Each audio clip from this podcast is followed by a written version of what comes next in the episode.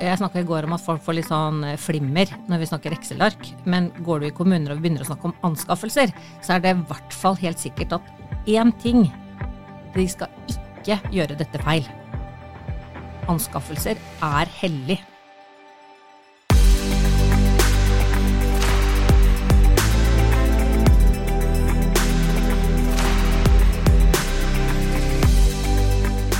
Du lytter på Impactpodden, en podkast om gründere og sosialt entreprenørskap. Podkasten presenteres av Ferd sosiale entreprenører, og jeg er Katinka Greve Leiner. Da er vi tilbake med episode fem av Impactpoddens andre sesong. I dag skal vi ta for oss hvordan man går frem for å selge tjenester til offentlig sektor. I forrige episode så hadde vi praten rundt salg, og vi var enige om at offentlig sektor er noe for seg selv. Jeg har med meg gründerne av Medarbeiderne og Virvap, og begge er i dag forretningsutviklere i Impact Startup, Ferds akselerator for ferske sosiale entreprenører. Chris Klemetvold Sandvik og Lise Arvesen, takk for at dere er med. Veldig hyggelig å være her. Mange sosiale entreprenører har jo ideen til tjenester som kan løse et samfunnsproblem, det har vi snakket litt om. Og her i Norge er det som regel noen i offentlig sektor som allerede jobber med de fleste samfunnsproblemer. Så heldige er vi jo i vårt velferdssamfunn, og den sosiale entreprenøren mener altså at han eller hun har en bedre løsning eller en helt ny løsning, og veien fra deres overbevisning til å få det offentlige til å betale for denne nye løsningen, den kan være lang. Hvorfor er dette så krevende, Lise? Jeg tror det er krevende fordi når man har blitt så godt kjent med denne målgruppa, som vi har snakka om i foregående episoder, at eh, vi vet at vi virkelig trengs denne tjenesten. Det vi ser for oss, blir vi tryggere og tryggere på, bør implementeres. Det bør virkelig starte opp. Og når pengene da fins et annet sted, og du skal finne de, så eh, kom egentlig Chris og jeg fram til, når vi skrev denne boka vår, Håndbok i sosialt entreprenørskap, så prøvde jeg å tenke hva jeg ser for meg dette salget til offentlig sektor handler om, og da havna jeg på en vippehuske, kan ikke da? At jeg ser for meg en god, gammeldags vippehuske. Og alle som har vippa på en sånn huske, vet at eh, når du satt deg på den, så var den oppe i lufta på andre siden. Og da trengte du bare at det skulle sette seg én til, som var liksom ganske like tung som deg, så vippa dere. Og det for meg er salg til privat sektor. Mm. Da trenger du som regel én privat kunde, og så er dere i gang og har det skikkelig moro. Og så husker du, hvis to satte seg på andre siden, så føk du opp. Og det er litt sånn, med en gang vi kommer til salg til bedrifter, så er det flere som setter seg på andre siden.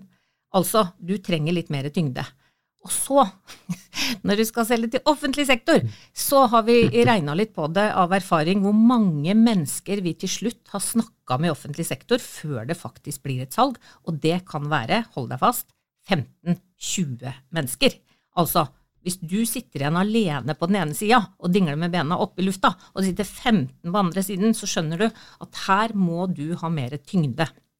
Og den tyngden, det er kompetansen din, det er ressursene dine. Og det er det ofte eh, gründeren mangler i møte med det offentlige. Og så er det sånn at de som, eh, de som sitter på den andre sida av den vippehuska der og utgjør disse 10-15, kanskje 20 i verste fall offentlig ansatte, har eh, forskjellige måter å se på det problemet her på. og de forvalter skattebetalerne sine penger. De må holde seg innafor lover og regelverk og gjør det som forventes av sine ledere for å kunne ha ryggen fri og ikke gjøre feil.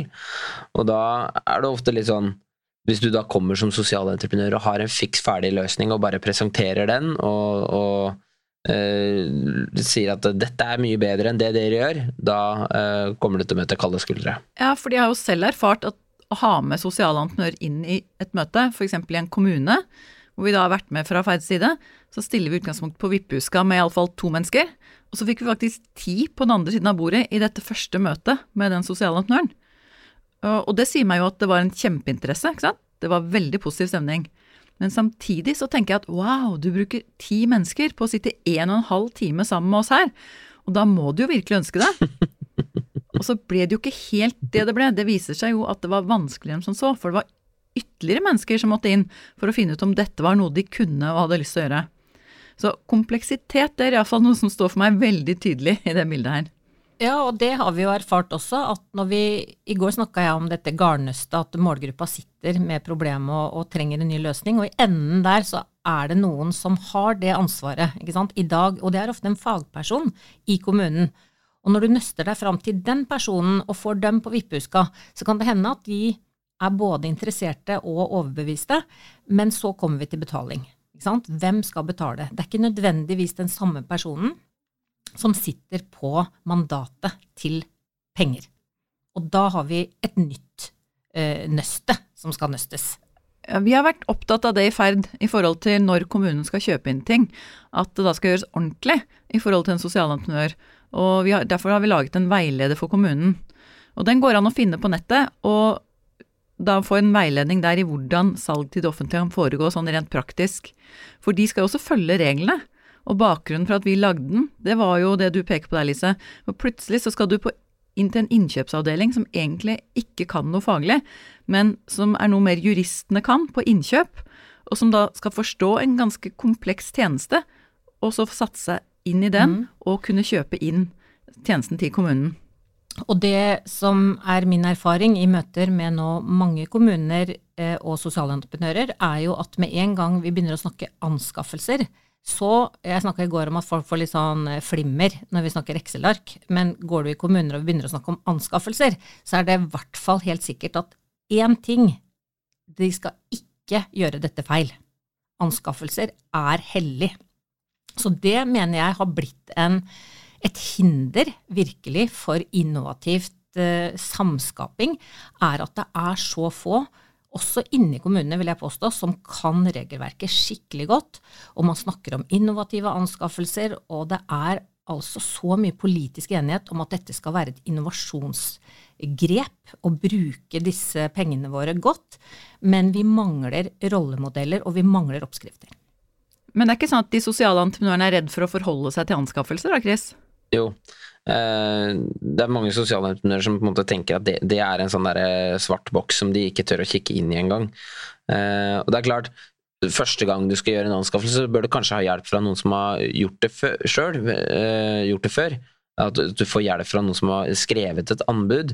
Men det er ikke veldig hokus pokus. Du må ha papirene på stell og skatteattest og sånne ting, men, men, det handler om å beskrive hva du har lyst til å gjøre, og hvordan det skal løse problemet.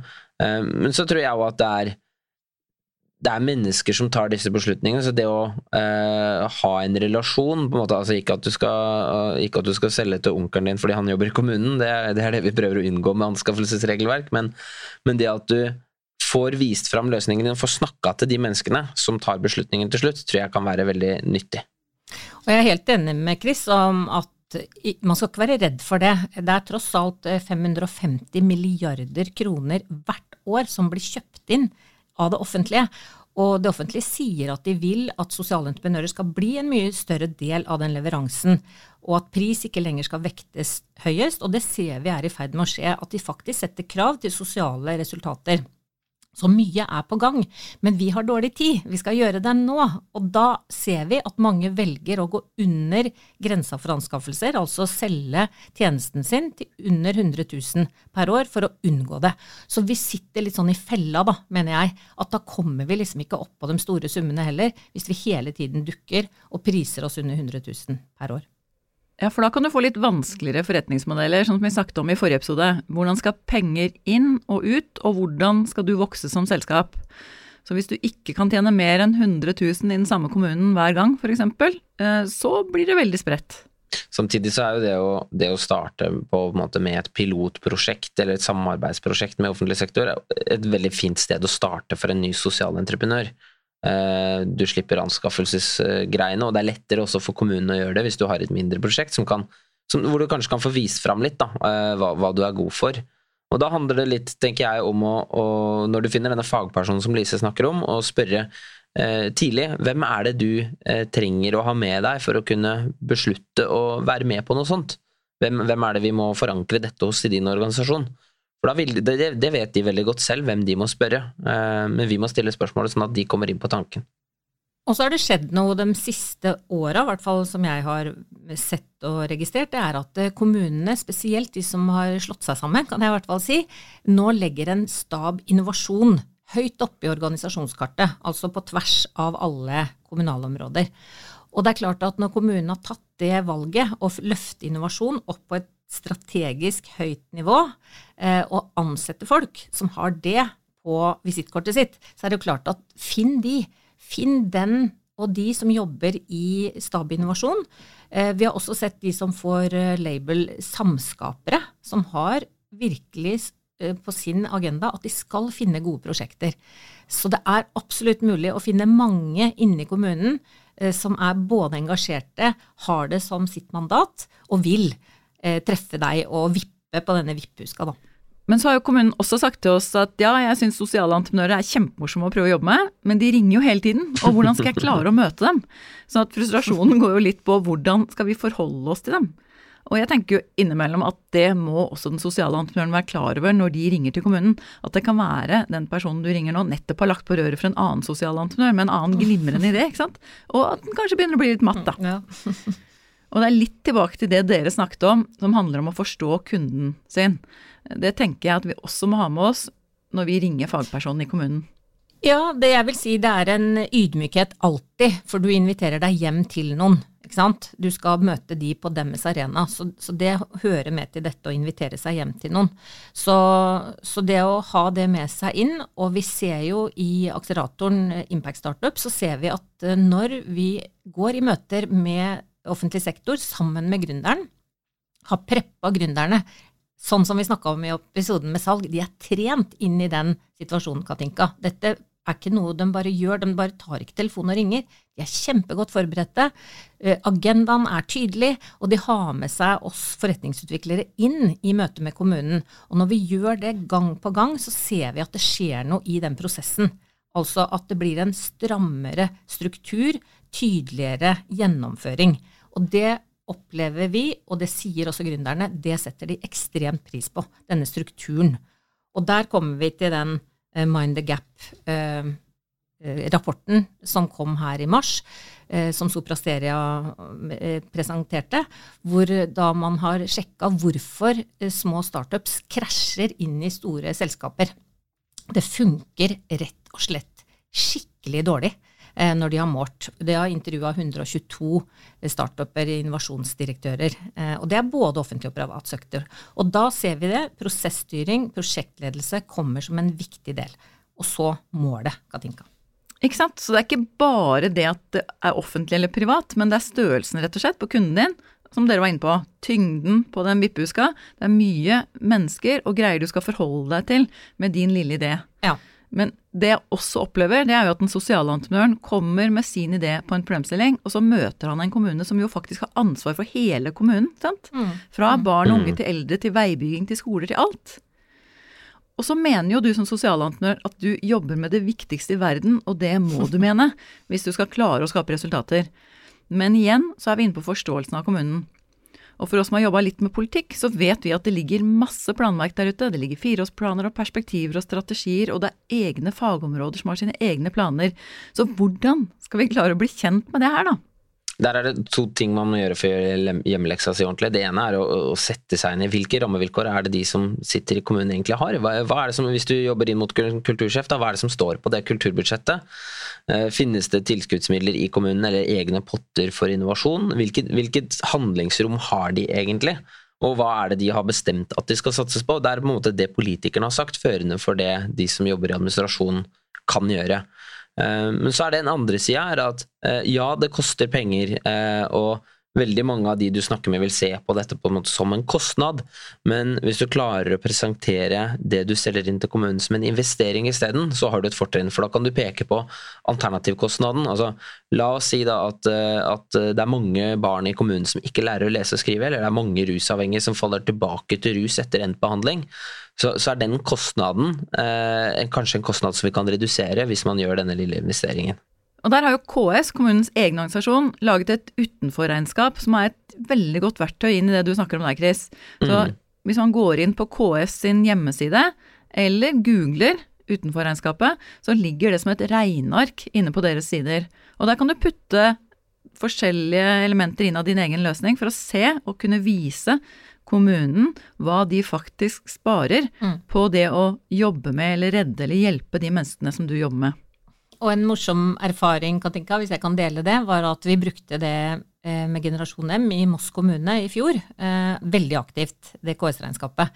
Og det er jo ungdomsjobber, de er mellom 14 og 18 år, de, de som får jobb. Eh, men det viktigste når vi begynte å bruke det, var at eh, vi med sånne gründerhoder som har sånn korte tidsperspektiv, vi har jo dårlig tid hele tida, vi tenkte at vi skulle måle resultatet, for det ligger som indikatorer inni selve dette regnearket, som er kjempebra.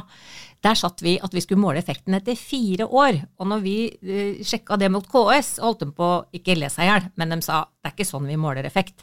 Dette skal vi se på 10- og 20-årsperspektiv. Det er da vi virkelig slår inn om vi gjorde en endring. Og nå tror jeg vi er inne på kjernen av hvorfor det her er ganske vanskelig. Fordi budsjettene i kommunen er jo årlige. Liksom, det er en fireårs rullerende plan, men det er fra år til år. Og så skal vi komme inn og snakke om samfunnsproblemer og store floker, som vi da egentlig kanskje kan måle om fem til ti år. Hvordan skal vi klare å få en dialog og få fram penger som er villige til å investere det i dag eller i morgen? Det er en utfordring. Og det er jo interessant også, fordi kommunen selv kan kjenne på det samme, da de sitter her med 10- og 20-årsperspektiv, og så har de årlige budsjetter. Ja, ja. Det er vel også grunnen til at vi nå har blitt invitert inn av flere kommuner til å drive dette med effektkontrakter, hvor vi som en sosialinvestor kan gå inn og betale for et prosjekt som skal gå over flere år, og sånn at de får satt i gang en endring og en innovasjon i sin egen kommune. Mm. Og kan eventuelt tilbakebetale oss når dette har blitt en suksess, hvor de faktisk begynner å spare penger, Mm. i tillegg til selvfølgelig andre sosiale effekter hos dem. Mm. Så det er en kjempespennende tematikk som jeg vet er internasjonalt veldig diskutert nå. Hvordan får vi det til med innovasjon inn i det offentlige? Ja, et, et sånt tips eh, som jeg har er, eh, når vi snakker om KS, det er å lese kommunal rapport. Hvis du, skal, hvis du jobber med å selge noe til kommuner, så følg med i kommunal rapport. For det, det leses stort sett av alle toppbyråkrater og alle politikere rundt om i Norge. Eh, og Da får du et veldig godt innblikk i hva de er opptatt av, og hva de tenker på. Og kanskje også kan det være mulighet for profilering av det du selger inn til norske kommuner, hvis du klarer å få KS, kommunal rapport til å skrive om det. Ok, hvis jeg da skal prøve en eh, liten sammenstilling. Hva er det viktigste vi ville si i forhold til dette med å selge til det offentlige? Lise, skal du starte? Ja, I ordet salg så betyr det at noen skal betale. Og vi ser at man ofte går inn i møter uten å være klar til å snakke pris og penger. Det å spørre altså kommunen om hvor store budsjetter de har, hvem som er ansvarlig, hvordan prosessen skal gå. Spør om alt. I starten er alt sånt noe veldig lett å snakke om. Og det er her vi avklarer mål, muligheter. Og der syndes det altså så mye. Vi er liksom bare kjempeglad for at vi er der, og kanskje kommer videre. Og det holder ikke. Eh, jeg tenker, en sånn veldig viktig ting der er at du ikke gir fra deg på en måte powerpoint-presentasjonen din, eller lar denne fagpersonen som er entusiastisk, som du snakker med i starten, uh, lar den personen dra videre med ditt konsept og skal presentere det for sine ledere uten at du er med. fordi det er du som er best på å presentere ditt konsept, og uh, hvis du skal tilpasse den presentasjonen nå, sånn at den treffer de de lederne som er over den første du har snakka med, så er du nødt til å forstå hvordan de tenker. Så det å få samtalen med de som sitter og bestemmer til slutt, og at du er med rundt det bordet, det tror jeg er helt avgjørende. Eh, og da, da slipper du å miste prosessen og sitte hjemme på kontoret og lure på oi, hvor er, hvor er salget mitt nå, hvor står det nå? Mm, helt riktig. Men da kan vi vel si som så at dagens læring det har vært at du må bli kjent med de du skal inn hos, og at kommunen kan være litt mer komplisert enn andre offentlige etater å bli kjent med. Og så har vi snakket om samskaping, at det kan være lurt å komme seg inn ved å jobbe sammen. Mm. Men du må også huske at dette også skal være et salg. Du trenger altså lønn, og det må du gi dem forståelsen av, for de er offentlig ansatte på fastlønn. Så det å tørre å beskrive seg selv og egne behov i selskapet, tenker jeg altså ligger i dette. Og så har jeg lyst til å tilføye at du må være tålmodig. Mm. For det, Mm. dette er et stort dyr, og det er mye du skal lære deg. Altså det offentlige. Så tålmodighet er en dyd. Pass på at du ikke dør som selskap underveis. At du har noen inntekter og alternative ting å leve av i denne prosessen, det kan også være en mulighet. For det er jo kjempespennende hvis det faktisk lander. Absolutt. Eh, Og da kan du være med på å endre store ting. Men du vet hvor vanskelig det er å be gründere om å være tålmodig, Katinka. Det er litt sånn eh, Der skjærer det seg, for å si det pent. Helt sant. Dette kan det snakkes langt om, og mye mer enn vi har gjort, men jeg håper at vi har klart å gjøre deg der ute litt klokere på hva du står overfor. Og så skal vi dra dette over i noe litt annet i neste episode, for da skal vi inn i den mer konkrete etableringssituasjonen. For nå har vi overbevist deg selvfølgelig om at du er den rette til å gjøre dette, du har drivkraften, du ser mulighetene. Hvordan gjør du det med å faktisk lage selskapet ditt? Så følg oss inn i neste episode. Vi ses igjen. Takk for i dag. Du lytter på Impactpodden, en podkast om gründere og sosialt entreprenørskap.